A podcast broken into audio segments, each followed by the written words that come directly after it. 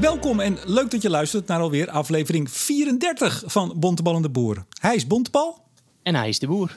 Wat ons is opgevallen in het nieuws en wat we daarvan vinden. Straks, met een aangenomen motie om een marktconsultatie te doen, lijkt het erop dat kernenergie terug op de agenda is. Maar is dat ook zo? Of is het ook deze keer weer niet meer dan een politiek profileringsdingetje en blijft Nederland, zoals de afgelopen jaren, een koers zonder kernenergie varen? Vorige week ging de wet CO2-heffing naar de Tweede Kamer. Op 1 januari wil het kabinet de extra heffing voor de industrie invoeren. Maar gaat het ook gebeuren? En is het wel verstandig? Of maakt de heffing meer kapot dan ons lief zou moeten zijn? Even ademhalen, Henry.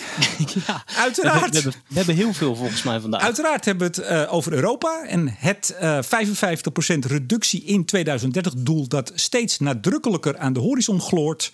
Een doel dat ook effect heeft op de Nederlandse CO2-heffing.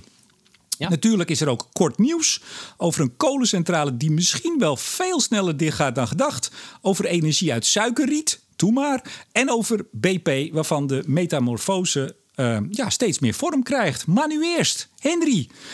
Ik zat me suf te zoeken vorige week dinsdag, maar waar ik ook keek, geen Henry Bontebal bij het voorlezen van de troonrede. Hoe kan dat?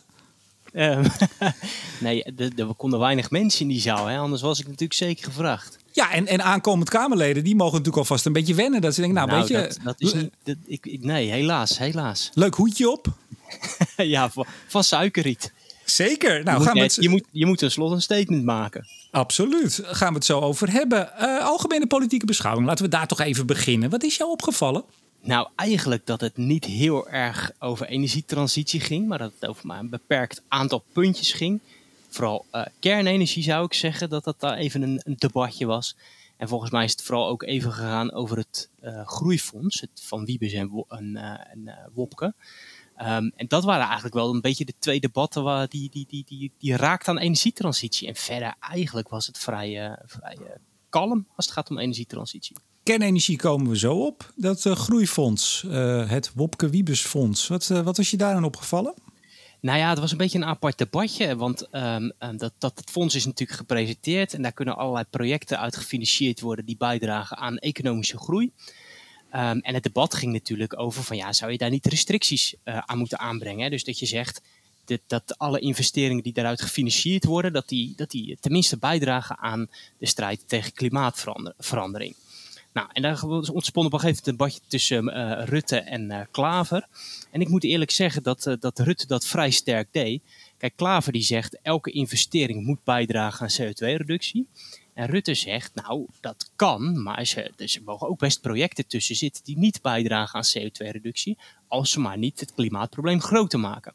Want hij zegt, er zijn ook projecten, bijvoorbeeld in de, in de, in de farmacie, het ontwikkelen van geneesmiddelen, waar Nederland ook echt goed in kan zijn. En die wil je ook uit zo'n fonds uh, kunnen betalen. Dus ja, uh, je zag dat Klaver dat fonds eigenlijk wilde beperken tot alleen alles wat met energietransitie te maken had. En, en Rutte zei van nee, ik wil daar breder naar kijken.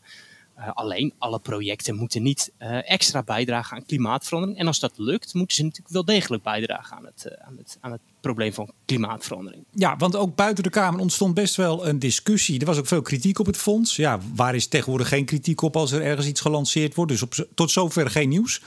Maar ik zag ook economen, Bas Jacobs in het FD, die zei ja, het zou niet alleen maar op groei BBP gericht moeten zijn, maar ook voor zaken die hè, goed zijn voor het welzijn van de natie, zou ik bijna zeggen. Ja. Zo, en die dan niet bijdragen aan BBP, zoals uh, CO2-beperkende maatregelen. Ja, dat vond ik wel een hele gekke. Want nou ja, je weet, wij zijn alle twee fan van de industrievisie van dit kabinet. En uh, me dunkt, als je daarin gaat investeren, heb je echt wel twee vliegen in één klap. En er lijkt een soort beeld te ontstaan dat als je investeert in CO2-beperkende maatregelen, dat dat dan niet bijdraagt uh, aan de groei van het BBP. En dat is wel heel gek. Nou ja, en, Rutte zei ook nog terecht, denk ik. Van er zijn van dat soort uh, uh, maatregelen die inderdaad aan, uh, waar het mes aan twee kanten snijdt. Hij zegt maar er zijn ook maatregelen die misschien helemaal niet direct tot economische groei leiden, maar misschien wel nodig zijn in de strijd tegen klimaatverandering. En die financieren we ook, alleen niet in dit fonds. Dus je zag dus dat Klaver dat fonds heel erg wilde beperken tot alleen investeringen in, in energietransitie.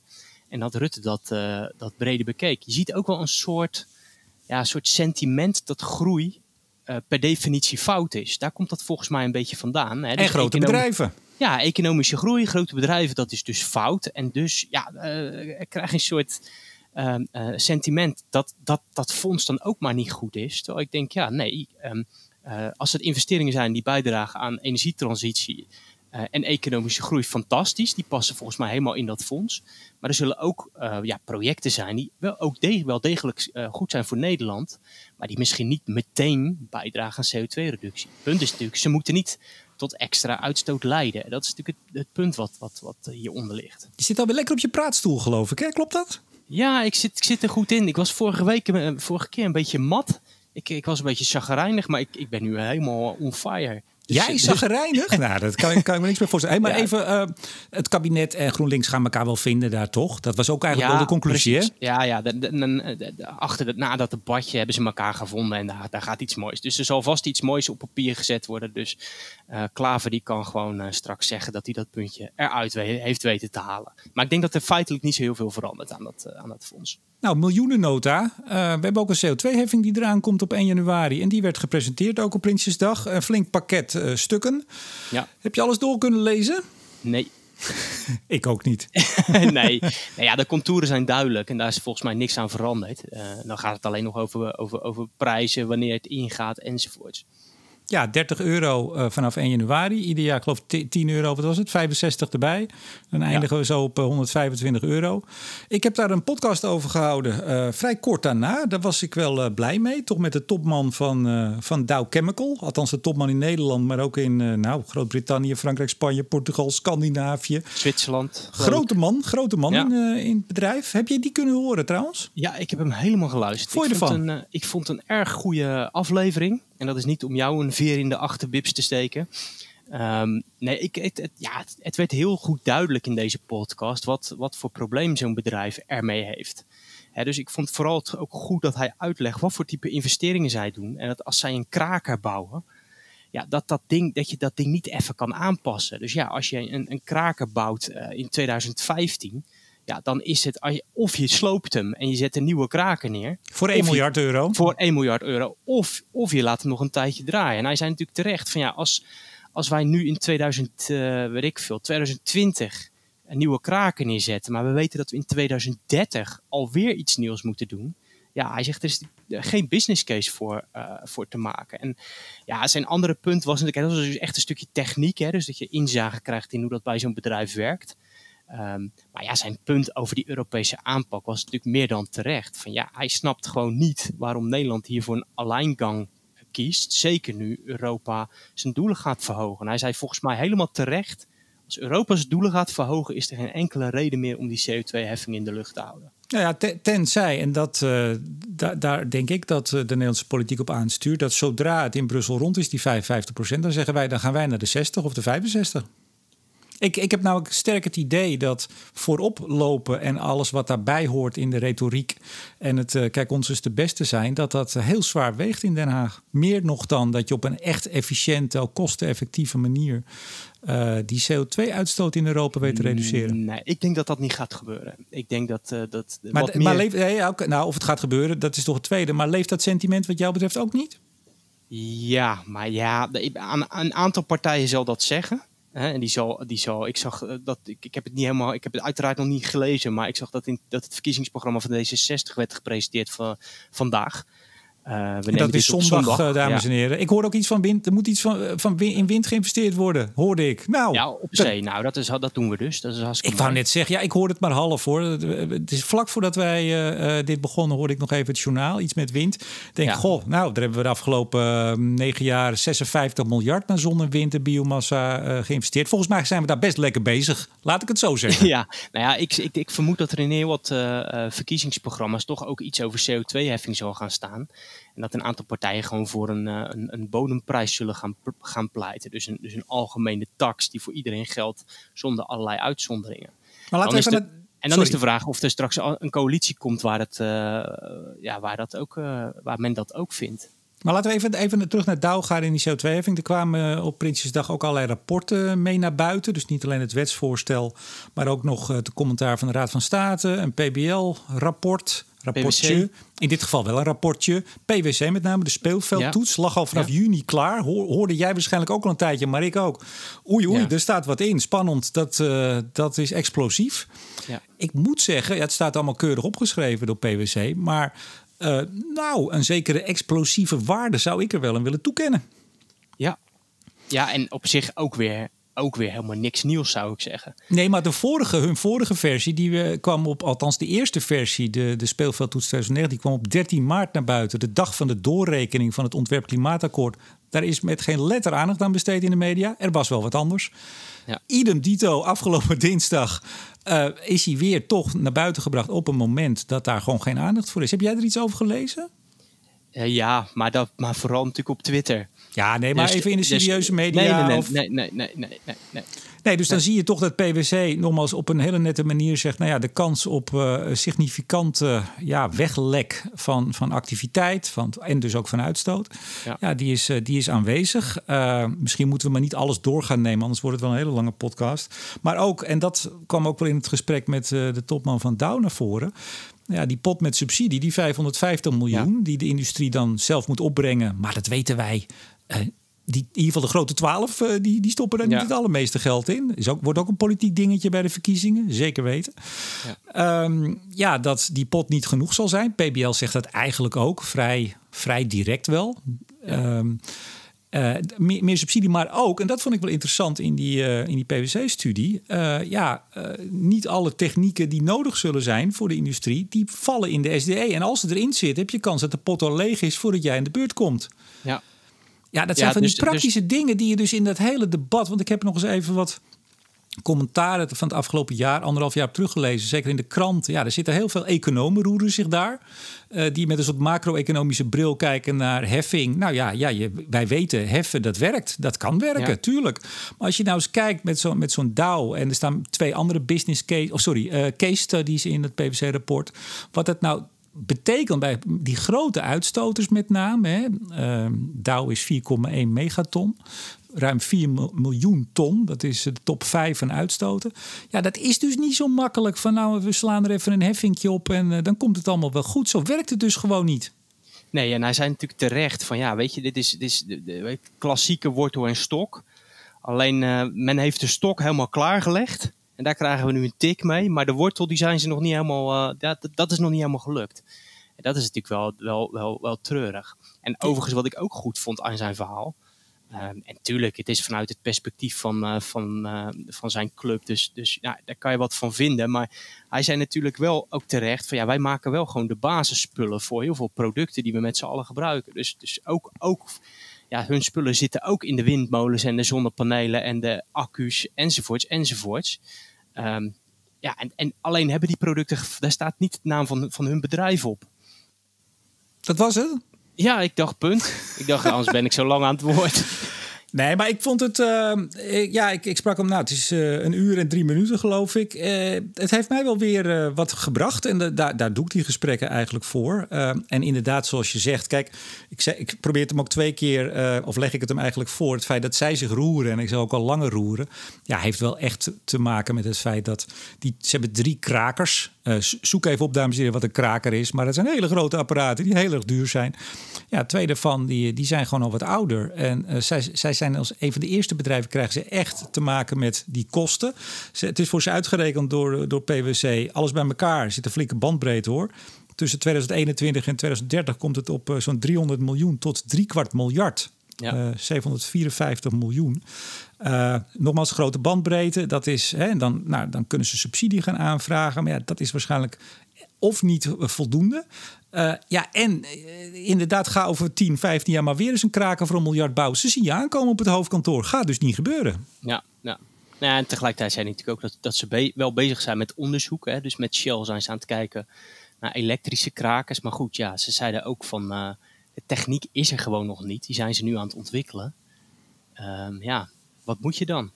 Nou, de EU, ETS, 55 procent. Althans, de EU-doel 55 procent. Dat lijkt er toch op. Uh, de commissie heeft het nu neergelegd. Nou, daar zal nog wel wat water door de Rijn en andere rivieren stromen voordat het uh, zover is. Maar ik, ik zie dat er wel van komen, die 55 procent. Jij? Ja, ik ook. En het, het, gekke was natuurlijk de berichtgeving dat uh, Europa nu Nederland zou dwingen tot, tot steviger klimaatbeleid. Ik, ik, vond dat wel een beetje de omgekeerde wereld. Want natuurlijk Nederland juist heeft gezegd wij willen 55 procent. Uh, nou, niet voor niks zitten Diederik Samsom en Frans Timmermans daar. Um, dus, dus je zou ook juist andersom kunnen zeggen, die 55% is ook een beetje het succes van Nederland. Wij zijn een soort, een soort kopgroep uh, gaan vormen en hebben daarvoor gepleit. En nou trekt Europa het gelijk. Dus volgens mij zouden we eigenlijk moeten zeggen dat dit, dat dit hartstikke goed is voor Nederland. Dus alle koppen die wij op het beleid zetten, ja, die zouden misschien wel af kunnen gaan op het moment dat, dat, dat de Europese ambitie gelijk getrokken wordt met die van ons. Ja, dus ik, zou, ik zou zeggen, goed nieuws voor Nederland dit. Ja, daar kom je op een interessant interessant punt. Timmermans in het FD die zei ook, nou, ik hoop dat als wij hè, naar die 55% gaan, dat dat voldoende reden is voor Nederland om inderdaad die CO2-heffing voor de industrie, die extra uh, tax erbovenop, bovenop het ETS, om die uh, nou, niet in te voeren. Maar ja, dan kom je natuurlijk op een interessant punt. Hè. Het duurt nog even voordat die 55 en dus ook de aanscherping ETS erdoor is. Dat kan nog wel een paar jaar duren. Ja, dan gaat Nederland niet zeggen, nou, we trekken hem vast uh, van de tafel af. Um, en ja, het, het, volgende is dan, uh, stemt Nederland daar dan mee in? Hè? In de zin van, gaan ze toch niet een, een scherper doel aan, aanleggen? Al is het maar voor intern binnenlands politiek gebruik. Ja, ik weet dat niet. Ik geloof niet dat, uh, dat, dat twee partijen, de VVD en de CDA, dat gaan doen. Um, um, en, en ik hoop wel dat er gewoon ook een beetje het inzicht doorbreekt dat we dit Europees moeten doen. Uh, en, en dat als we het niet Europees doen en allemaal schotjes gaan aanbrengen, dat het gewoon duurder wordt. Elke econoom zou je dat kunnen vertellen. Als je een hele, hele grote markt maakt met een grens en, en, en, en je haalt de tussengrenzen weg, ja, dan worden dingen uh, goedkoper. Dus ook de energietransitie wordt goedkoper als je het Europees doet. En ja, Nederland kan daar vast een schotje tussen zetten en zijn eigen uh, tuintje vooral schoon willen vegen. Maar voor de CO2-reductie in de wereld doet het niet zoveel en uh, het is waarschijnlijk ook duurder. Dus ik hoop dat dat ook een beetje, uh, dat besef ook een beetje begint in te dalen. De ja, maar maanden. eigenlijk heeft die CO2-heffing twee, twee kanten. Aan de ene kant is het de aanjaagfunctie binnen Europa, want de Europese Commissie is er eigenlijk tegen. Maar ze zijn natuurlijk wel blij mee als landen met dit soort zaken komen. Dat geeft hun natuurlijk uh, kracht in Brussel bij de andere lidstaten om te zeggen: kijk eens, Nederland begint al, hè, ja. we, gaan met z'n allen. Dus ja. daar zal de Europese Commissie achter de schermen blij mee zijn. Voor de schermen officieel vinden ze het helemaal geen goed idee, zo'n extra uh, uh, tax. Maar wat we in Nederland natuurlijk hebben, is dat wij hier, we willen hier dat het gebeurt, die reductie. Kijk, dat is natuurlijk het punt. Dus aan de ene kant hebben we die uh, opjaagfunctie. Nou, die heeft gewerkt. Althans, daar lijkt het tot nu toe op. Het andere is dat we 14,3 uh, megaton minder willen uitstoten en geen kilootje minder. Nee. En ik ben bang dat ook als uh, Europa naar de 55% gaat en het ETS meegaat, dat nog niet wil zeggen dat Nederland zegt: Nou ja, weet je, prima, doe je het in Polen, doe je het in België of doe je het hier, dat maakt ons niet uit. Nee, dan zal het kabinet of het kabinet wat dan zit, zal nog steeds vinden dat er nationale uh, doelstellingen moeten zijn. Ja, en dan krijg je weer het, het feit dat het gaat inwerken of door het ETS heen fietst. Daar ben ik echt bang voor. Ja, maar ik, ik, ja, ik denk dat dat dus verschillend in verschillende verkiezingsprogramma's zal staan. He, dus uh, dat, dan wordt het gewoon afhankelijk van welke coalitie er komt, of dat, of dat gaat gebeuren. En daarnaast zou je natuurlijk ook onderscheid kunnen maken tussen nou ja, ETS en niet-ETS. En daarnaast zou je er natuurlijk ook altijd nog voor kunnen kiezen om um, iets simpelers te kiezen dan wat er nu ligt. Nu is dat natuurlijk makkelijk gezegd van mij, vanaf de zijlijn, om iets simpelers dan die huidige CO2-heffing uh, te bedenken. Maar het lijkt mij toch dat dat ook mogelijk zou moeten zijn. Ja, en, en tot slot hierover, de, de voorzitter van de Nederlandse Emissieautoriteit, uh, Dorette Corbij is het, hè? Ja. ja. Uh, die zei ook van ja, weet je, je hebt toch nog altijd niet de garantie bij zo'n heffing dat je daadwerkelijk je doel haalt, namelijk die reductie. Want ja. Dow, je, je hoort het wel in het gesprek, ja, die kunnen op een gegeven moment zeggen: oké, okay, we hebben hier een belangrijke hub-functie in Terneuzen, meer dan 4000 man. Nou ja, weet je, we houden dat om allerlei redenen toch nog wel in de lucht en ook misschien nog wel wat productie. Nou, dan, dan, dan pakken we maar een tijdje wat boete. En ja. dat kan natuurlijk ook gaan gebeuren. En dat is denk ik de zwakte van zo'n uh, zo'n heffing. Die nogmaals, ik, ik blijf het toch zeggen, voor een heel groot deel ook is ingegeven uh, door... ja, wij willen die bedrijven eens even flink op de nummer zetten. Ze mochten van GroenLinks niet meepraten, de industrie aan de klimaattafels. Ze moesten nee. daar weg, want ze waren gewoon vieze vervuilers. En uh, zoals de NGO's vaak zeggen, klimaatvernietigers. Ja, weet je, die vlaktax, zoals je het ook zei, hè, daar kwam GroenLinks toen ook mee, 50 euro. Nederlandse bank ook toch? Die wilde ook een Ja. vlaktax. Nou ja, ik, ik denk dat je heel voorzichtig moet zijn. Eh, beprijzen werkt. De aanjaagfunctie heeft gewerkt. Dus wat dat betreft goed. Ehm, ik ben ook heel benieuwd trouwens, zijstap, of eh, die border adjustment, Ja, dat precies. mechanism. Dat, dat wordt Oh. echt een cruciaal ding. Ja, natuurlijk. als dat, niet als dat niet gaat werken, dan denk ik dat, je het, eh, eh, dat die 55% ook buitengewoon moeilijk wordt. Of je moet, en dat is ook denk ik het spel wat nu in Brussel gespeeld wordt. En dat is een spel waarvan we de uitkomst allemaal nog niet weten. Ook de Europese Commissie niet. Blijft Europa met een, wat is het, interne markt van tegen de 500 miljoen mensen zo interessant? Toch voor eh, Azië, voor Amerika, voor et cetera. Dat ze bereid zijn om eh, stappen te zetten. Of Ja. zeggen ze op een gegeven moment, nou dan slaan we hem over. Nou, dat is het spel. Wie is er over vijf en tien jaar, vijftien jaar... heeft ook eh, geopolitiek en economisch de zwaarste Precies. macht. Ja. Nou, Nou, ja, en in de 3 november zal misschien ook nog wel een flinke invloed hebben. ja, want? Verkiezingen in de VS. Nou ja, Ja, oh ja, tuurlijk, ja, op, op- op nee. het moment dat Biden het wordt, dan zou dat echt tot, tot iets heel anders kunnen leiden als. Nee, Do- Donald, de Twee, Donald. Donald twee vingers in de neus, tuurlijk. ja, nou ja, goed. we zullen Hey, zien. Kort nieuws. RWE gaat in het suikerriet. Althans, wellicht. Bericht in het FD vorige week. Ze hebben een proef gedaan met 40.000 ton suikerrietafval. Om het mee te verbranden in wat vroeger een kolencentrale was. En nu inmiddels, ja, je mag het toch een biomassacentrale noemen. Eh 80% zit hier op biomassa. Eh, interessante ontwikkeling. Heel interessant. Ik vind het leuk dat eh, RWE eh, nou ja, blijft innoveren. Dat ze ehm, nou ja, niet zo moedeloos worden van de biomassa-discussie in Nederland. Dat ze helemaal het beltje erbij neergooien. En ze kijken natuurlijk naar een, een, een nieuw type product. Eh, het, het is een vezelachtig restproduct dat overblijft na duurzame rietsuikerteelt. Dus het is, ja, je, haalt, Ja, je eh, kan de- er niks meer mee. Nee, en het, en het, en, en, ehm, nou, het is, eh, dat bagasse heet dat. En dat is, het is afkomstig van het Franse woord bagage en het betekent gewoon afval. Dus dat sap dat gaat eruit en je houdt dat, eh, die troep over en dat kan je dus eh, verschepen. Ook nog een lesje, een lesje Frans hier bij Bontebal en Ja de joh, Boer. ik, ik spreek, spreek mijn taal over de grens wel. Zeker. En, ehm, maar nee, maar het leuke is natuurlijk dat ze, dat ze er gewoon eh, ja, kijken naar een, een nieuw product.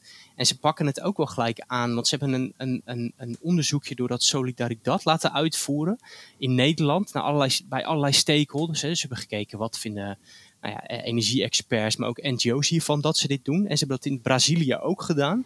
Daar is een rapportje van. Ehm, en daar- ze hebben, nou, dat is best wel leuk aangepakt. Ze hebben ook gelijk gekeken naar het draagvlak van, eh, van dit product. Ehm, en ze zijn ermee aan het testen. Ik geloof een dag of eh 10, 15. Dan zijn ze aan het kijken of die centrale daar eh, op kan Ja, die, die 40.000 ton, dat was acht dagen vol last, begreep Ja. ik. Ja. Ja, en ze zeggen dat eh, dat gewas suikerriet, dat groeit er buitengewoon snel. Hè? Een veld dat Ja. je nu oogst, dat eh, kan over een jaar alweer worden geoogst. En eh, nou ja, laten we het zien. Het is een test. Het is Ja, een, het is een restproduct, dus het is, het is, het is, het is nou, denk ik wel iets anders dan, dan houtpellets. Nou ja, we, en volgens mij ook een, een, zo'n zo'n korte, korte cyclus, zeg maar. Me dunkt, ja, één jaar. Dat is eh, Precies. behoorlijk kort. Maar Dus, goed, we moeten even kijken. Laten we even, want we hebben wel vaker... Je zou bijna zeggen, er is een effect. Dat is genoemd naar een bepaalde meneer... wiens naam wij hier maar, maar, maar niet meer noemen. Maar laten we... Ik bedoel, ik vond het een mooi bericht. En eh, laten we het afwachten. Het is een test. En nou, dan gaan we vast horen hoe die test is uitgevallen... en of ze ermee verder gaan. Maar voor Ja, nu... eh, heel nou, geen slecht nieuws. Nee, Sterker nog, niet. positief. Eh, ander nieuws. Eh, er gaat misschien een kolencentrale eerder dicht. Ja, dat was wel een verrassende brief. Ehm, Vrijdag, ehm, hè? Laat, zoals dat vaak ja. gebeurt. Ja, ja, ja, ja. Ja, dus, dus eh, eerst was natuurlijk het plan, eh, we hebben er nog drie en die moeten allemaal een stuk minder gaan draaien. Hè, dus een soort cap. En dan zou eh, het Rijk zou eigenlijk een beetje gaan bijspringen. Die zou zeggen, nou ja, jullie missen inkomsten en dat gaan we jullie vergoeden. Maar blijkbaar is er dus ergens een partij die misschien wel zijn vinger heeft opgestoken. En ik denk, denk dat jij dat beter weet dan ik. Ehm, die, die zou wel eens eh, bereid zijn om een kolencentrale dicht, helemaal dicht te gooien. En Ja, dat is eh, Riverstone. Die hebben de, de Engie-centrale gekocht. Ook een, eh, een hagelnieuwe. We hebben het hier over drie nieuwe kolencentrales die nog draaien. En de, de Amercentrale, waar we het eigenlijk net over hadden. Hè? Die van RWE. Ja. Met de suikerriet. Ehm, ja, en die, eh, nou, die hebben die, die kolencentrale gekocht. ehm, in een pakketje van vier. Namelijk nog maar drie eh, in, in, in Duitsland. Ja, ik zeg altijd, het is voor een appel en een ei hebben ze dat kunnen kopen. We weten niet precies wat eh, de overnamesom is geweest. Maar eh, even de dikke duim in de lucht. Een paar honderd miljoen. De, de Ja. schuldenlast van Engie was geloof ik met 200 miljoen verlaagd na de deal. Nou, orde grootte zeggen we dan. En uh, ja, nou is het, is het punt, en dat is wel heel bijzonder natuurlijk. Je zei het inderdaad goed, die, die cap zou voor de drie gaan gelden. Daar wordt over gesproken. En blijkbaar, die gesprekken lopen nu een paar maanden. Blijkbaar heeft minimaal één van die partijen de hand opgestoken en gezegd: Nou, we willen wel dicht. En nu organiseert EZK, want daar was de brief van afgelopen vrijdag, een soort beauty contest. Zo van: Nou ja, uh, uh, zeg het maar, een bieding. Hè? Voor hoeveel wil je dicht? Uh, hoeveel was het ook alweer? 328.000 euro per megawatt. Per megawatt, ja. Uh, voor ja. de Riverstone centrale zou dat uh, 240 miljoen betekenen, maximaal. Hè? Maar goed, dan gaat het spel spelen tussen die drie. Als ja. er meer dan één dicht willen. Nou ja, voor hoeveel durf ik het aan? En wat nou zo bijzonder is. Ik mocht, geloof ik, als eerste begin dit jaar melden dat de Riverstone centrale stuk is. En dat leek toen tot ongeveer medio dit jaar te zijn. Maar ik heb van de week even gekeken. Hij staat zeker tot eind dit jaar dicht. Is ja, hij dicht? Ja, ja, ja, ja, dus de kans is natuurlijk vrij groot dat, dat, dat er daar iemand een beetje wanhopig is geworden. Nou ja, kijk, de, de, ik heb begrepen van, uh, van uh, de kenners dat die reparatie, dan praat je toch zeker, want het is aan het kernproces. Het is niet dat er ergens een, een kraan lekt. Um, 10 tot 20 miljoen moet je aan denken. Uh, ja. Die personeelslasten lopen nu ook een jaartje door. Hè? Je verdient geen cent. Nou verdien je sowieso op dit moment met de kolen. Nee, geen, geen hol. niet niet nee. veel. Maar als je er 10, 20 miljoen in moet gaan stoppen. En het is ook nog maar de vraag of dat technisch allemaal heel makkelijk gaat. Of je kan uh, voor een tien, enkele tientallen miljoenen. kan je de deur dicht doen. Ik ben heel benieuwd wie er gaat bieden en wat hieruit gaat komen. Ja, ja, er staat één leuk zinnetje in die brief. Um, en ik citeer. Er moet objectief worden vastgesteld dat het verdienvermogen van de kolencentrale over de periode 2021-2029 hoger is dan het subsidiebedrag dat wordt aangevraagd, zodat er geen sprake is van staatssteun. Dus hier dat vind ik knap als je dat kan uitrekenen. Ja, maar hier wordt dus eigenlijk gezegd van je moet een beetje aantonen wat je ermee verdiend had kunnen hebben. En je krijgt subsidie van maximaal dat bedrag, zodat er natuurlijk geen sprake is van staatssteun. Ja, het is natuurlijk wel lastig om dat vast te stellen, want ja, dan moet je een projectie gaan doen over wat je met dat ding nog verdiend had kunnen hebben. Um, maar goed, dus dit is wel interessant. Um, um, ik heb een beetje zitten rekenen, maar ik heb dat te snel gedaan. Dames en heren, Henry Bontebal heeft zitten rekenen. Let u even op, pak even pen en papier. nou, ik kwam, ik kwam op, als je het omrekent naar, uh, naar euro's per ton vermeden CO2, en dan reken ik natuurlijk het hele emissiehandelssysteem systeem niet mee. Dan kom ik uit op iets van 20 euro per ton. Maar ik kan er gruwelijk naast zitten. Wat ik heb gedaan is een capaciteitsfactor van 30% gehanteerd. Ik ga even thee halen. Ga jij even thee halen. Um, een capaciteitsfactor van 30%. Dus ik ben er even van uitgegaan dat die dingen sowieso niet meer dan 30% van de tijd hadden gedraaid. Nou, dan heb ik dat vervolgens uitgerekend hoeveel miljard kilowattuur ze dan produceren. Daar heb ik een CO2-prijskaartje aangehangen. Maar goed, de, de Martien Vissers van deze wereld moeten me maar corrigeren. Maar ik kwam op, op iets van 20 euro per ton. En dat zou een kopie zijn. Ja, en, maar toch even ook voor onze, ik blijf het steeds zeggen, voor onze nieuwe luisteraars die wij weer in grote getalen hebben mogen verwelkomen. Uh, de bouwers van deze centrales, van de drie, die hebben allemaal zo 1 tot 1,5 miljard geïnvesteerd in deze centrales. Die waren in zo 2015, 2016 klaar. Bedoeld om zo'n 40 jaar te draaien, misschien nog wel iets langer. Nou, sommige dus niet, want die gaan meteen stuk. Maar dat ja. terzijde. Uh, dit is natuurlijk wel een enorme kapitaalsvernietiging. Even los van hè, marktrisico, hè, dat wordt natuurlijk vaak gezegd, is hun eigen schuld. Kabinet vroeger om, een kabinet uh, zeker meer dan tien jaar geleden. Uh, die wilden ze graag hebben. Dit is natuurlijk wel één ja, groot of, debakel. Ja, of het blijkt een hele briljante zet te zijn. Hè? Want stel nou dat, dat die problemen met die Riverstone centrale echt heel fors zijn. Dat zijn ze. Ja, nou, misschien komt daar een, een, vrij laag bedrag uit. En dan kan de Nederlandse overheid voor een vrij laag bedrag die centrale sluiten. Ja, nog steeds is het natuurlijk een beetje geld over de balk gooien. Een maar, beetje geld over de balk gooien? nou ja, maar je zou... Je zou nee, ja, ik bedoel de investering. Hè? Niet over die tientallen miljoenen. Dat is peanuts als je ziet wat wij per jaar een subsidie uitkeren. Nee, maar even, er is gewoon kapitaal vernietigd hier. Hè? Ja, dat zeker, iemand, zeker, iemand, zeker, nee, maar iemands Ja. kapitaal zit daarin. Ja, zeker. En dat, dat zijn uh, natuurlijk vooral de aandeelhouders van Engie. Uh, en dan straks nog de aandeelhouders van Riverstone. BP. En de Ja. nieuwe Ede Energy Outlook. Het was BP-week hè, deze, deze week. Ja, ja. Nou ja, er was een, een, een, inderdaad een BP-week. En op maandag, dinsdag, woensdag hadden ze allemaal webinars. En het begon met de grote baas uh, himself. Die eigenlijk de strategie van het bedrijf uh, ging toelichten. Ja, Mr. Bernard Looney had eerder Ja. aangekondigd dit jaar van we gaan, eh, we gaan hartstikke vergroenen. En hij zou in september zou die, eh, met de details komen. Ehm, kwam hij daar ook mee? ja, het was echt, echt, een, echt, een, echt een strategiepresentatie. Hè? Dus dat was de, de, de sweeping statements van we gaan met factor X meer renewables doen. En we gaan met een factor Y stoppen met investeringen in fossiel. Um, dus dus zeg maar op dat niveau, hè? dus op, op het niveau van doelen. Uh, maar, maar jij bent ook strateeg, dus jij, dat heeft een stratege en strateeg, die vinden elkaar dan. Jij snapte het allemaal? Het, het snijdt op hout wat hij zegt? Nou, ik moest eerlijk zeggen, ik, ik, ik vind het uh, mooi hoe ze dat deden. Ik heb wel eens eerder gezegd, sowieso die hele, die hele strategie van BP, even los van de inhoud. Hè, maar als je, als, je, als je kijkt hoe zij dat opbouwen en hoe ze het presenteren en hoe helder hun doelen zijn, dat vind ik echt knap. Dus, dus um, daar, daar zitten een aantal hele goede strategen bij eh, BP. Daar, daar kan, kan je, kun je echt een voorbeeld aan nemen als bedrijf. Weet je wat mij nou zo opvalt? Dat uh, tot voor kort, nou ja, hoe lang zit uh, Bernard Looney er nou? Nog geen jaar, hè? Ja.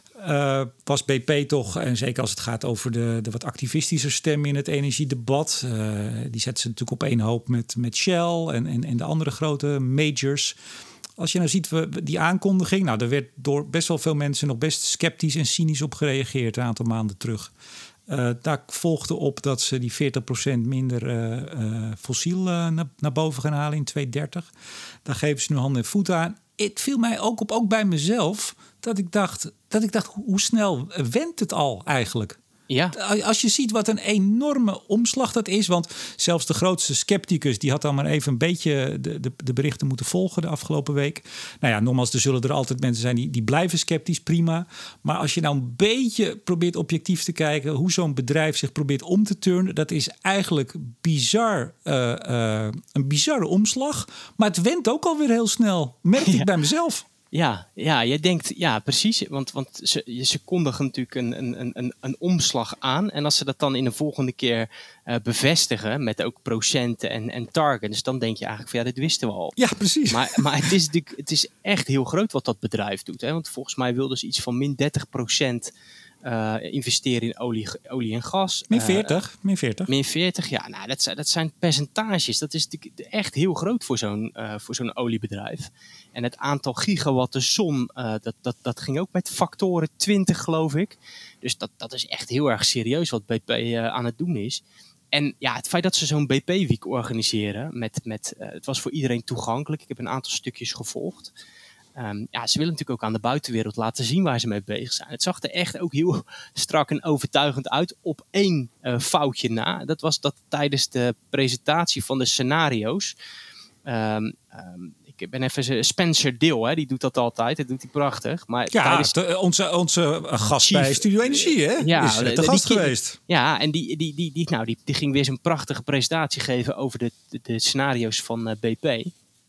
Maar toen viel die webstream uit. En dat duurde niet echt één minuutje of zo. Maar het duurde echt, echt best wel lang. Dus dat was even een uh, smetje op het blad. Technische hiccup. Ik dacht een inhoudsfoutje. Nee, nee, nee, nee, nee, nee, nee. Het, was, het was technisch. En de man is ook best wel grappig, dus hij verbetert het. Hij, nou ja, toen hij op een gegeven moment de draad weer oppakte, deed hij dat ook vrij, uh, vrij goed. Ja, en, en ehm, tot slot misschien nog even van mijn kant. Uh, toch altijd belangrijk om even te zeggen dat uh, Follow This, Mark van Baal die dat leidt, de activistische aandeelhoudersgroepering zou ik ze inmiddels noemen. Hè, daar zit best wel veel kapitaal achter en partijen, beleggers die daaraan meedoen om de grote olie- en gasbedrijven de groenere kant op te krijgen. Uh, die is nog steeds erg enthousiast over BP. Hè? Het is niet alleen maar dat wij nu even de BP-PR zitten, nee. nee, ja, en, en, zitten herhalen. Ook, kijk, ook nu geldt natuurlijk nog van uh, practice what you preach. Uh, Zeker. We gaan, we gaan het allemaal zien. Hè? Dus er is, er, er is natuurlijk nog helemaal niet zo heel veel gebeurd. Um, uh, je ziet wel dat BP de afgelopen jaren een aantal investeringen heeft gedaan. Zoals in uh, BP Light Source en laadpalen zijn ze natuurlijk mee bezig. Ze hebben aangekondigd volgens mij ook deze week of vorige week dat ze in de, in de windenergie stappen in de VS. Dus ze maken wel echt uh, stappen. Maar of ze natuurlijk die hele grote percentages gaan halen, ja, dat gaan we de komende jaren zien. Ik heb er wel vertrouwen in. Ik vind het, ik vind het, ik denk dat, dat als je bij BP werkt en je hebt zo'n, nou die Bernard Looney, ik, ik, ik zou er wel vertrouwen in hebben. Ik zou het wel ja, een mooie kerel. Ik denk dat hij nou een eind gaat komen. Ik ben ook heel benieuwd hoe die aandeelhouders dit, uh, dit uh, nou, waarderen. mocht nou in, in, de, in de, de, hele, hele kleine kans dat jij niet naar de Tweede Kamer gaat, dan eh, is er vast nog wel een plekje ergens uh, bij BP voor jou te vinden, denk ik. Ach ja, ach ja. Hey, maar gaan we het nog hebben over de Outlook? Nou, ik wou eigenlijk nu door naar kernenergie. Nou, ik, Kijk wou, ook. ik wou nog even naar de BP Energy Outlook. Mag ik daar heel kort iets nog over zeggen, meneer de Nou, Boer? vooruit. Nou ja, wat, wat, die, kijk, die BP Energy Outlook, dat is, dat, is, dat is echt wel een ding. Hè? Dus dat, dat, dat, dat, eh, die Outlook komt elk jaar uit met de Een nieuwste cijfers. gezaghebbende outlook. gezaghebbende Outlook en natuurlijk de presentatie van meneer Deel daarbij. Ehm, en wat je voor het eerst zag, is dat ehm ze hebben drie scenario's. En daar moet ik gelijk bij zeggen, verwar die niet met prognoses. Hè. Dat gebeurt heel vaak, dat men eh, scenario's verwart met prognoses. Nee, het zijn Niet drie, doen mensen, niet doen, Het- dat is fout. dat is fout. Het zijn drie uiteenlopende scenario's die eigenlijk het hoek, de hoeken van een speelveld zouden moeten verkennen. Maar je ziet gek genoeg dat in al die drie scenario's dat de olievraag bij BP nou ja, ongeveer gelijk blijft of daalt. En dat is best wel eh, spectaculair, want er is nog geen echte grote partij die dit zo eh, heeft voorspeld. Ehm, en dit, is, dit, dit soort scenario's bepalen natuurlijk ook wel de strategie van eh, BP. Dus op het, op het moment dat jij van die drie scenario's uitgaat en je gaat daar ook echt je investeringen op doen, ja, dat, is, dat is echt wel een grote shift. En je zag ook wel wat, wat commentaar op internet van, van, van ja, andere experts die zeiden van, nou ja, er zijn andere partijen die verwachten die piek aan olievraag bijvoorbeeld pas in 2030. Dus dit is ook echt wel een hele grote shift in eh, ja, de manier waarop BP nu naar de oliemarkt kijkt. Ik denk dat dat echt, echt een grote shift is. Die we, die we, ja, daar gaan we nog lang aan terugdenken, denk ik. Maar da- daarvoor is het toch ook wel van belang om ook naar de andere outlooks en de andere Zeker. partijen te kijken waar die mee komen. Want eh, wat je ook zegt, en ook onder beleggers, is de, de, de nieuwe koers van BP natuurlijk niet eh, onomstreden. Nee. Nee, En ook nee, die scenario's niet. nee, maar het idee is wel dat die scenario's eh, redelijk losstaan van de strategie van BP. Hè? Dus het moet wel echt, ja, eh, de, de, de, een, echt het speelveld verkennen, zeg maar. En ehm, ja, als je dat natuurlijk te gekleurd doet, dan snij je jezelf als bedrijf ook gigantisch in de vingers. Dus interessant vind ik. Goed zo, dit was weer een pauze die ik er denk ik even uit ga knippen. We laten elkaar heel mooi uitpraten deze keer. Ik, vind, ik ben er heel erg tevreden over. Kernenergie, beste man. Ja, moeten we het daar Nou, nog over hebben? Ja. Ja, zeker. Daar moeten we het zeker over hebben. Ik was, eh, ik was er vandaag maar weer druk mee, zou ik zeggen, zondag. En eh, mijn stuk in het eh, FD gaat het donderdag ook over.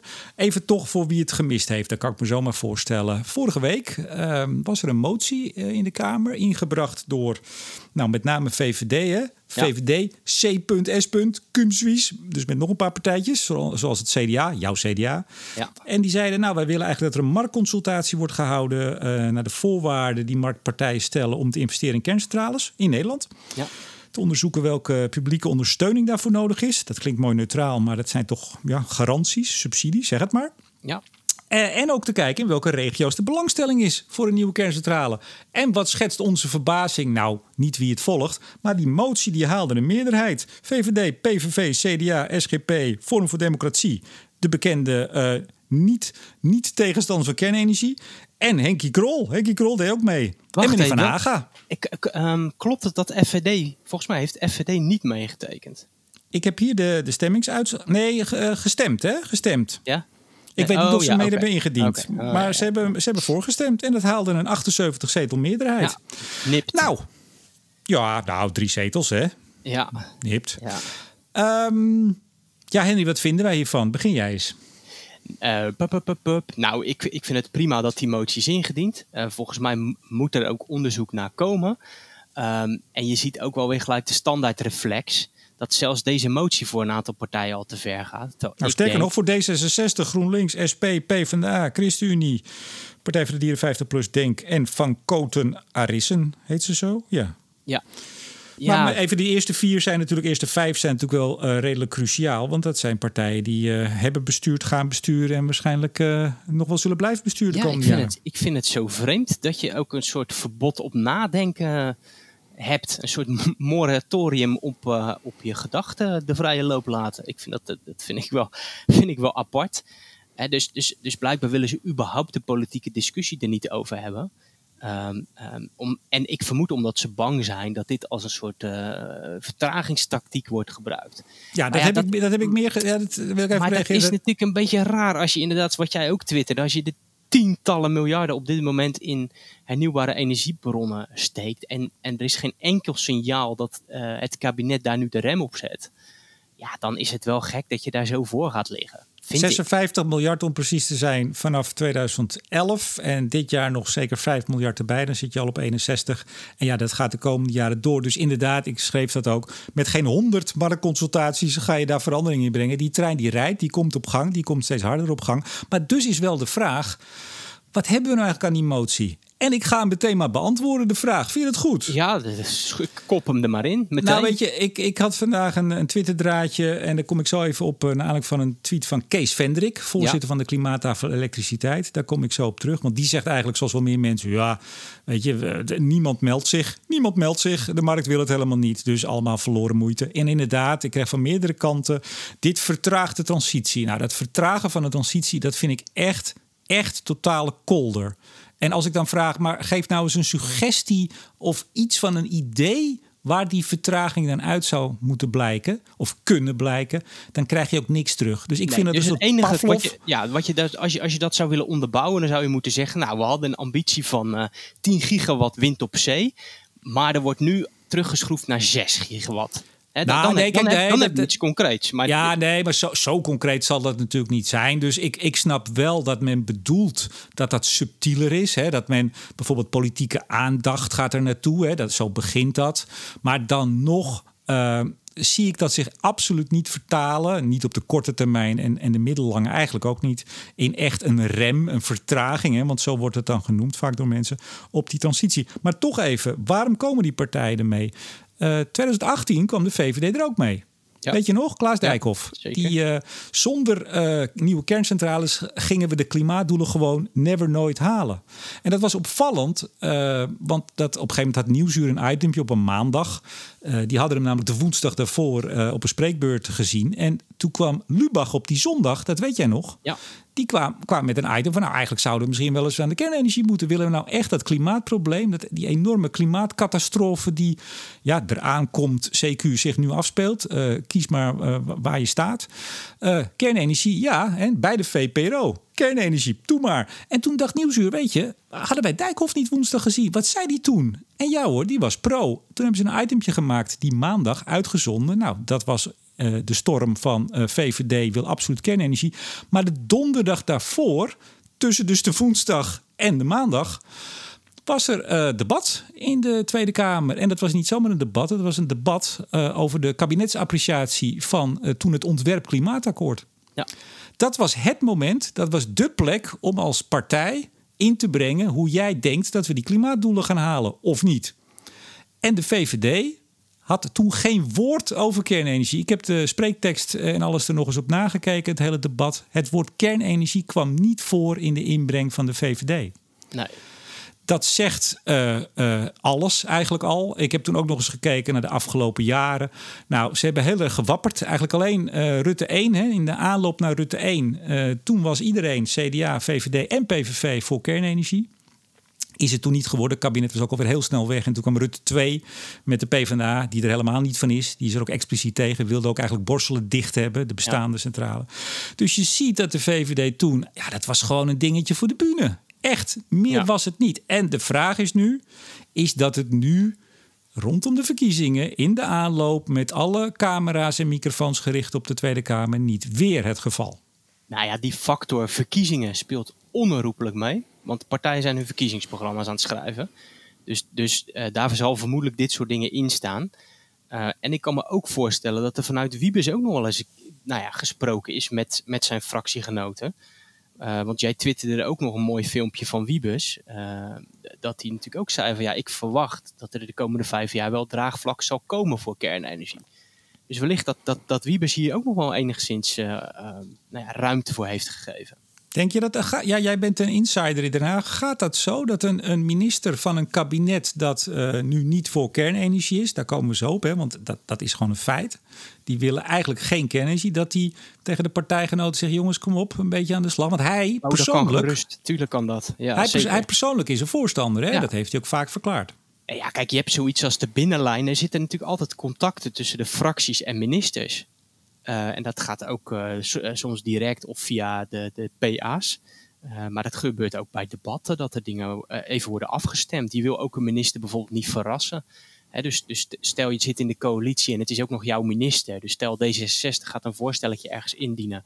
En het is toevallig jouw minister die dat ook moet verdedigen. Ja, dan wordt het van tevoren even afgestemd. We vind, vinden er wat belletjes of mailtjes plaats van, joh, kan jij hiermee instemmen? Dus, dus dat gebeurt. En, en ja, is dat slecht? Weet ik niet. Ik denk dat het eigenlijk ook wel prima is. Nou, ik weet ook niet. Ik, ik vraag me altijd af of dat ook echt zo gaat. Maar goed, jij, jij weet het. Jij hebt daar gewerkt. Niet, je hebt er niet heel lang gewerkt. Laten we het niet overdrijven. Maar jij bent. Nee, maar zo werkt het wel. Dat, dat, zo werkt dat gewoon hey, maar nou even, dus ik wil het nog wel allemaal even zien. Uh, jouw partij kwam uh, twee weken geleden met een verbod op betaalde seks. Toen zei ik ook van, nou, is dit nou een verkiezingsdingetje? Zei, nou ja, dan moeten ze de lijn wel gaan vasthouden. Nou, dat geldt hier ook voor. De lijn moet wel vastgehouden worden. Ik, ik, kijk, het is eh, even nog over het CDA. Het CDA heeft, dit, dit komt altijd weer, uh, of elke keer weer naar boven. En het CDA heeft volgens mij de afgelopen jaren steeds wel gezegd dat we iets met kernenergie moeten. Dus, uh, en alleen ja, een tijdje is het, uh, blijft het onder de radar en dan popt het elke keer weer op. Dus even, ja. even flauw voorbeeld, maar in 2008 staat secretaris Van Geel pleitte toen ook voor de bouw van nieuwe kerncentrales. Uh, dat gebeurde in 2006 ook al. En, uh, dus dus, dus, dus nou ja, de afgelopen jaren zie je steeds om de zoveel jaar dat dat weer. Uh, nee, maar dat, dat zit allemaal in dezelfde. Ik ben daar onderzoek aan het doen. Daar zit allemaal in dezelfde lijn, namelijk van de lobby van Delta toen om inderdaad een tweede ja, ja, te bouwen. En die, die vond zijn, zijn waterloo eigenlijk rondom Fukushima en nou, et cetera. Kom je nog wel eens op Ja, maar je ziet ook bijvoorbeeld CDA Zeeland. Hè? Uh, en überhaupt Zeeland in zijn res laat nadrukkelijk ruimte voor een kerncentrale. Dus als je het hebt over, als je het hebt over de vraag waar zou er een moeten komen. Nou, wij weten het wel. Bij de Zeeuwen, want die, die vinden die dat willen hem ook. Ja. ja. En uh, ik heb toen uh, Johannes, debat gedeputeerde, ook in Zeker, de podcast ja. te gast gehad. En die zijn daar inderdaad zeer voor. Ik geloof ook nu dat, dat Wiebes met ze in gesprek is, hè? of naar ze toe gaat. Ja, of, het gaat ook over het, het openhouden van borstelen nu. Hè? Dus dat is nog een ander debatje. Van zou borstelen, oh, kerncentrale borstelen open moeten blijven? En die gesprekken gaan natuurlijk de komende tijd ook plaatsvinden. Van onder ja. welke voorwaarden dat, dat dat dan zou moeten. Maar ik wil het toch even hebben nog over, want dat vond ik eigenlijk minstens zo interessant dan uh, de partij die dit voorstelde. En uh, nou, ik vind de afgelopen jaren niet altijd even uh, ruimhartig achter kernenergie hebben staan. Ook de VVD niet. Ze hebben het een beetje aan hun kont hangen. regelmatig flirten ze ermee. Maar ze hebben ook meerdere keren gezegd: ja, nee, in het verkiezingsprogramma, hè, soms helemaal niks erover gezegd. Of ja, prima, maar we gaan er geen geld in stoppen. Dus die liefde voor kernenergie, die, die de VVD nogmaals een beetje aan zijn kont heeft hangen. En dat gebruiken ze ook graag als het uh, in debat is met eh, PVV bijvoorbeeld of Forum. Ja. Die is niet zo heel diep, die liefde, geweest. Nee. Misschien nu wel, laten we het afwachten. Maar even de andere partij, D66, GroenLinks, SP, PvdA, ik noem ze op ChristenUnie. Ja, die willen dus niet eens dat er zo'n marktconsultatie komt. En nou twitterde, ik zei het net al, um, de Vendrik. voorzitter uh, Kees Vendrik van de Klimaattafel Elektriciteit. Uh, die zei ja, uh, ik parafraseer hem even, kijk anders even bij mijn Twitter. Ik heb er een draadje aan besteed. Die zei ja, weet je, uh, bij mijn tafel zaten ook geen marktpartijen die iets wilden. Ik heb ze nog gevraagd, maar ze kwamen met niks. Dus zo'n marktconsultatie kun je eigenlijk wel laten zitten. Het is niks, het wordt niks en het is eigenlijk ook helemaal niet nodig. En ik vond dat echt een heel opmerkelijke tweet. ja, ja. ja, omdat het niet helemaal klopt. Uh, nee. Want er is natuurlijk politieke sturing geweest om die kerncentrale. Uh, ja, er was gewoon geen politieke ruimte voor kernenergie. Uh, dus, dus, um, en, en natuurlijk staat dat nergens heel duidelijk zwart op wit. Maar nou, dat was nee, ho, ik onderbreek je. Want ik heb een filmpje getwitterd. Ja, van Nijpels. Van Ed Nijpels, 14 juni 2018. Ja, ik zoek dat allemaal na, Henry. Je, ja, je snapt dat ik de hele zondag... Nijpels, Nijpels is niet de minister. Hè? Dus Nijpels nee, la, laat, me even, laat me even het verhaal afmaken, alstublieft. Die, ja, nou, maar toch even. Dit was niet even in een, uh, in een interviewtje. Dit was uh, voor de Tweede Kamer, in de Tweede Kamer bij een hoorzitting. En hij zei daar onomwonden: nee, uh, we kijken niet naar kernenergie. Niet eens dat wij het niet zouden willen als klimaatberaad. Maar ja, die opdracht hebben we niet. Dan zouden ze ons daar een opdracht voor moeten geven. En hij zegt ook: het is niet voor niks dat we niet naar kernenergie kijken, want de coalitie die wil het niet. Ik ja. parafraseer hem nogmaals even. Nou, dat was buitengewoon helder toen net die tafels een beetje begonnen waren. Daar kun je toch niet omheen stappen? Want dat gebeurt er nu een beetje. Dat het af en toe lijkt alsof de man dat niet gezegd heeft. Maar hij was de chef van alle klimaattafels. Ja. Die, die bij, bij zijn gezonde verstand... Uh, bij een kopje koffie ten overstaan van de Tweede Kamer zegt... nee, uh, kernenergie, uh, nee, dat, ja, dat was gewoon niet in vragen. Nou ja, en, en, en kijk, wat ook steeds speelt, meespeelt, hè, is. is um, kijk, je kunt natuurlijk heel doodleuk zeggen van de partijen dienden zich niet aan. Uh, dat hangt natuurlijk mee samen dat, er, dat je een bepaald investeringsklimaat moet creëren. En daar hoort gewoon in, in de huidige markt hoort daar gewoon geld bij. Dus op het moment dat je niet ook met subsidies of garanties of wat dan ook klaar staat, dan gaat kernenergie sowieso niet plaatsvinden. Dus, uh, en vervolgens zitten natuurlijk allerlei partijen zitten er aan die klimaattafels die uh, of nooit een geschiedenis met kernenergie, hebben gehad en die zich heel erg focussen op uh, renewables. Of het zijn partijen die juist natuurlijk afscheid aan het nemen waren van kernenergie. Ja, als je natuurlijk die partijen vraagt, um, uh, wil je een kerncentrale neerzetten? Ja, dan zullen ze dat ook niet doen. Nee, het, het, het, het gekke was dat, uh, of het, het mooie vond ik, uh, ik sprak in september 2019 Erik Wiebes, jij refereerde daar net aan, daar heb ik een podcast mee gedaan, ik heb daar een fragmentje van gedeeld weer. En dan zegt hij het ook, hè, want dan zegt hij een van de bekende tegenargumenten precies, ja, niemand meldt zich. Hè. Hij heeft wel eens meer in de Kamer ook gezegd, ik zit met thee en koekjes en niemand komt op de thee. Toen zeg ik, dan zeg ik ook tegen hem in het interview, maar dat is toch een beetje flauw, want er komt niemand omdat er ja, er is geen enkele steun. En dan zegt hij tegen mij, nogmaals september 2019, hij zegt ja, en hoe zie je dat dan voor je? Uh, SDE voor kernenergie. Zeg ja. En dan zegt hij, is daar, daar is geen politieke steun voor. Hij zegt het. Onomwonden. Nee, precies, precies. En, en dat is de kern. Hè? Dus, dat dus, is de kern. Ja, je, er is geen politieke steun voor het subsidiëren in welke vorm dan ook. Hè. Het kan SDE Plus zijn of weet ik veel, een strike price. Ja, het kan Of uh, garanties, weet ik veel, verzin het. Of desnoods maak je er een staatsbedrijf van, dat kan ook nog. Uh, maar ja, die, die, politieke bereidheid was er niet om kernenergie te gaan subsidiëren. Nee, en, en wat mij dan, en dat heb ik vandaag getwitterd en nogmaals uh, ook donderdag mijn stuk in het FD daarover. Die argument, kijk, als je zegt, weet je, ik wil geen kernenergie. Dat kan ik me voorstellen als partij. Zeg, nou, we hebben nog altijd het afval. Uh, wij denken dat we het op een andere manier ook kunnen. Ja. Zonder. Hè? Ja. Dat bedoel, ja, daar, daar, daar vind ik het mooi dat je dat laat zien. Jij weet ook, er zijn meerdere studies waaruit blijkt dat toch met kernenergie het goedkoper kan. Ik zeg het even heel ja, plat. Maar ook andersom. Hè? Dus, ook dus, andersom, precies. zeker. Dus er is van alles voor. Maar de argumentatie, en daar heb ik me wel enigszins uh, nou, over verbaasd. En ook wel dus van Kees Venderik, die ik overigens uh, hoog heb zitten, zeg ik erbij. Uh, ik heb ook, naar verluid, was het een goede tafelvoorzitter. Uh, ik denk dat hij het ook vervelend zal vinden dat uh, dat nu lijkt of hij dat nou eens eentje heeft bekokstoofd. Dat is niet zo. Dit was gewoon een politiek, ja. politiek uh, besluit. Maar kijk, dat ook Wiebes dat zegt. Ja, Wiebes zou het graag zelf volgens mij wel willen. Maar ja, die zit ook in een coalitie. Ja. Of in een kabinet van een, met een coalitie. Ja, uh, één. Het is uh, uh, in 2030, hè, klimaatakkoord ging over 2030. Dus dat argument is ook vaak gebruikt. Ja, en een kerncentrale, dat kost wel tien jaar. Dus het komt te laat. Dat is natuurlijk heel raar, want in 2040, 2050 en 2100 hebben ja, we precies. ook nog energie nodig. Dus dat het te laat komt, dat argument is overigens uh, ook in 2010 gebruikt door GroenLinks. Toen het ging over die uh, centrale die het uh, kabinet Rutte 1 toen wilde. Waren ze fel tegen. Er moest meer op zon en wind. Nou, prima. En het kwam te laat. Ja, als we hem toen gebouwd hadden, had hij er nu gestaan. Dus... Ja, en, en je kunt ook zeggen van met, met, met een, juist een toenemende ja, penetratiegraad, met toenemend aandeel hernieuwbare elektriciteitsbronnen zou je misschien juist wat meer uh, stabiel vermogen nodig kunnen hebben. He, dus je zou ook kunnen zeggen dat het probleem, uh, de noodzaak voor dat soort uh, energiebronnen, dat dat zich ook pas over 10 of 20 jaar aandient. Ja, en een van de argumenten die ook Wiebes in dat interview aanhaalt, die zegt ja, maar het is tot 2030 ook helemaal niet nodig.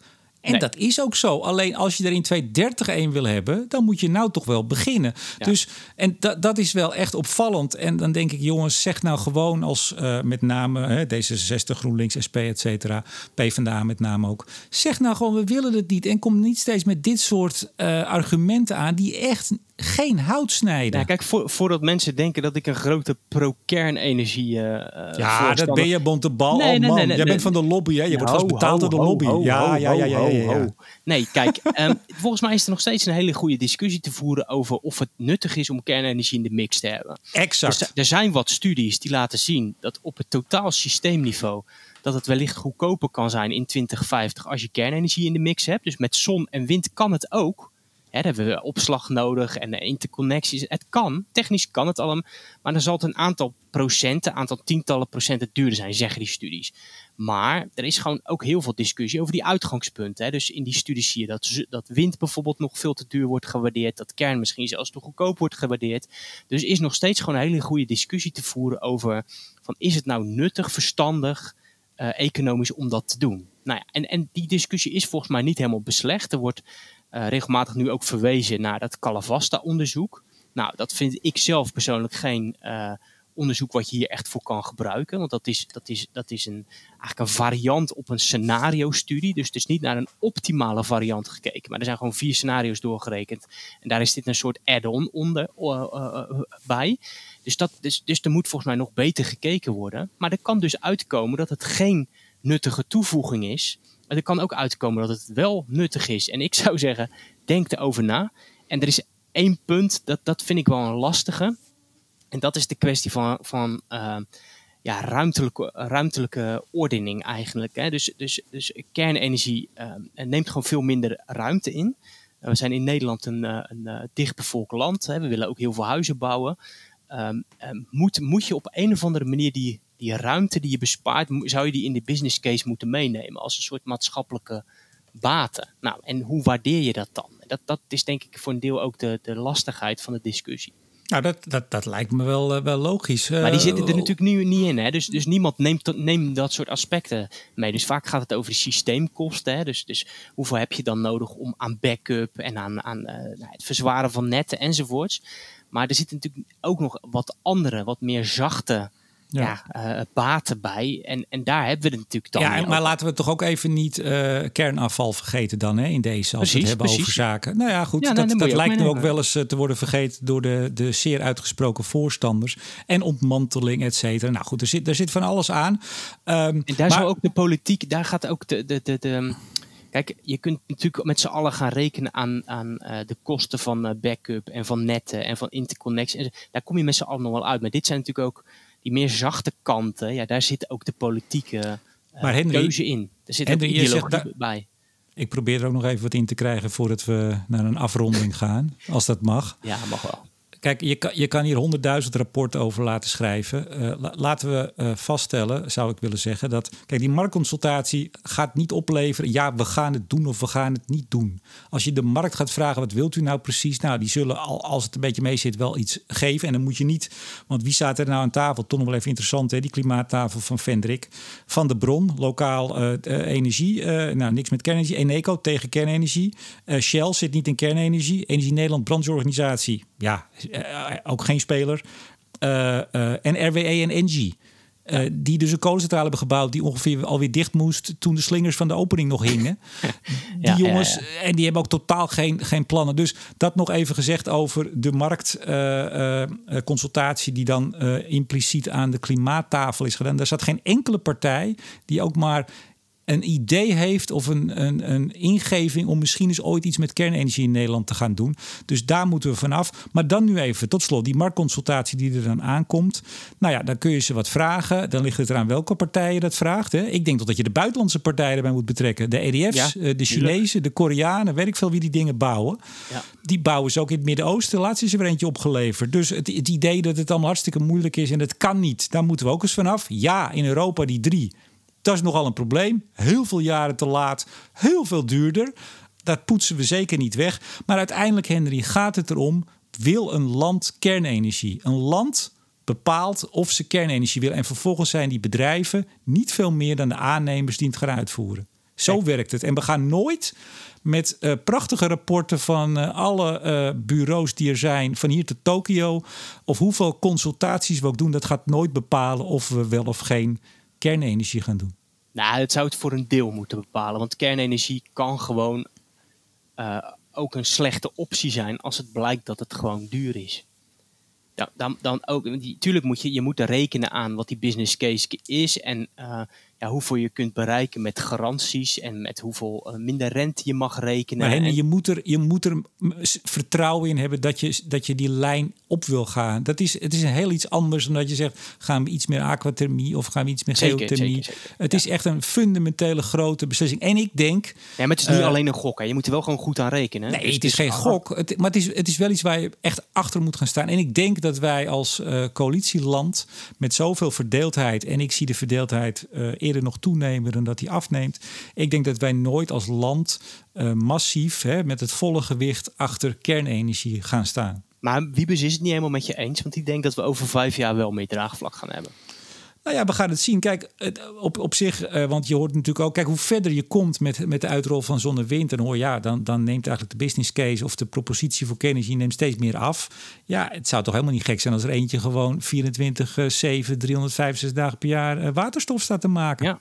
ja, en het kan ook gewoon zijn dat, dat er kostprijsdalingen plaatsvinden binnen, binnen zon, wind, uh, batterijen, waterstof enzovoorts. Die er inderdaad voor zorgen dat de business case voor kernenergie gewoon niet best wordt. Ja, en, dan en, en, dat, en dat we. Ja, dat, dan blijken we dus wel op, op weg te kunnen naar een volledig uh, duurzame energievoorziening. Ja, en dat we die, die week donkerflauten die er dan is in, uh, in, in, in de herfst, dat we dan voldoende hebben opgeslagen om heel Nederland een week van te laten draaien. Ja, precies. Ja? Ja. Gaat het lukken? Uh, dat weet ik niet. Nou ja, nee, maar er wordt natuurlijk wel nagedacht over opslag, bijvoorbeeld van waterstof in, in lege gasvelden en zoutcavernes en zo. Uh, dat, dat, daar zit nog geen economische business case onder, maar daar wordt natuurlijk wel over nagedacht. Laten we kernenergie tot slot nou gewoon een normaal debat over voeren en eens ophouden met al dat voor, tegen. Ik bedoel, ik vind dat deze 60 GroenLinks, et cetera, dat hele rijtje, jongens, uh, wees nou gewoon ook nieuwsgierig naar zo'n marktconsultatie. En als het nou allemaal niks wordt over een aantal jaar, nou, dan, blijkt dat vanzelf. We hebben ernaar gekeken en het was het niet. Maar dit is toch een van de, een van de manieren om uh, die grote ramp, die met name ook die partijen zien, hè, dat is natuurlijk wel een beetje gek. Dat zijn toch de partijen die uh, voorop liepen, veel eerder en, en harder dan VVD en CDA. En die nu toch een optie eigenlijk uh, voordat er echt, echt goed naar gekeken is, want het is er nog niet in Nederland, hem eigenlijk al hebben weggegooid. En dat vind ik heel erg zonde en vind ik ook eigenlijk heel erg dubbel. Um, vooruitblik.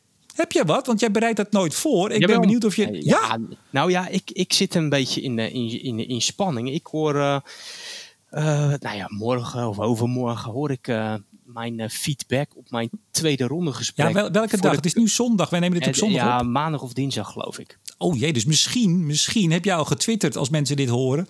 Het nou, goede ik weet niet of ik daarover twitter, maar uh, oh. nee, ik zit natuurlijk in die, in die kandidaatsprocedure. Uh, en ik, ga, wist ik, ik niet. Ik, ik, ga weer een... Uh, ik heb weer een hoepel doorgesprongen. Even kijken hoe, daar, hoe ik daar doorheen ben gekomen. Dus daar ben ik heel benieuwd naar. Ik hoop nou. natuurlijk dat ik het goed heb gedaan en dat ik op weg mag naar, de, naar het volgende station. Nou, ik denk dat, uh, als ik, dat ik namens toch de meeste en misschien wel alle luisteraars mag spreken. als ik zeg dat we het allemaal ook voor jou hopen. Ja, ja, je, hebt, je, hebt, er lol in en je wil de, je wil de wereld een, een stukje beter maken uh, in de Tweede Kamer. Dus nou, alle, alle hulde en lof. Ja, um, dank u wel. Ja, alsjeblieft. Woensdag, dat is dus morgen als mensen dit horen, is er een, uh, een webinar van het IEA met Fatih Birol en minister Wiebes over de Netherlands 2020 Energy Policy Review. Kijk. Ja, en uh, ik ben benaderd door het IEA of ik uh, uh, misschien ook wat vragen wil stellen. Want iedereen kan het volgen, kan ik vast melden. Maar niet iedereen kan. woensdag, zei natuurlijk. Ja, aanstaande woensdag. Oké, okay. leuk. hoe laat? Weet je dat hoe laat? in de ochtend. Ik, dacht ochtend. Om, ik dacht om tien uur. Um, volgens mij is er om negen uur iets en om tien uur de presentatie. Nou, één van twee, maar nou, re redelijk vroeg. Um, ik weet niet of het mij lukt uh, om dan al uh, dat rapport te hebben gelezen en daarom dus dan ook een zinnige vraag te kunnen stellen. Ja, onzinnige vragen stellen kunnen we allemaal. Daar hoeven we ons niet voor voor te bereiden. Uh, want ik ben ook heel druk met mijn artikeltje in het FD, wat donderdag verschijnt. Maar ik kijk wel uit naar zo'n rapport. Het, het, energiebeleid gereviewd door het IEA. Nou, ja. bedankt. Nou, misschien kunnen we nog wat vragen over kernenergie stellen aan Fatih.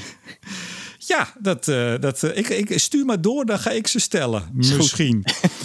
Tot zover deze aflevering van Bontebal en de Boer. Hij is Bontebal. En hij is de boer. Tot de volgende keer. Dag.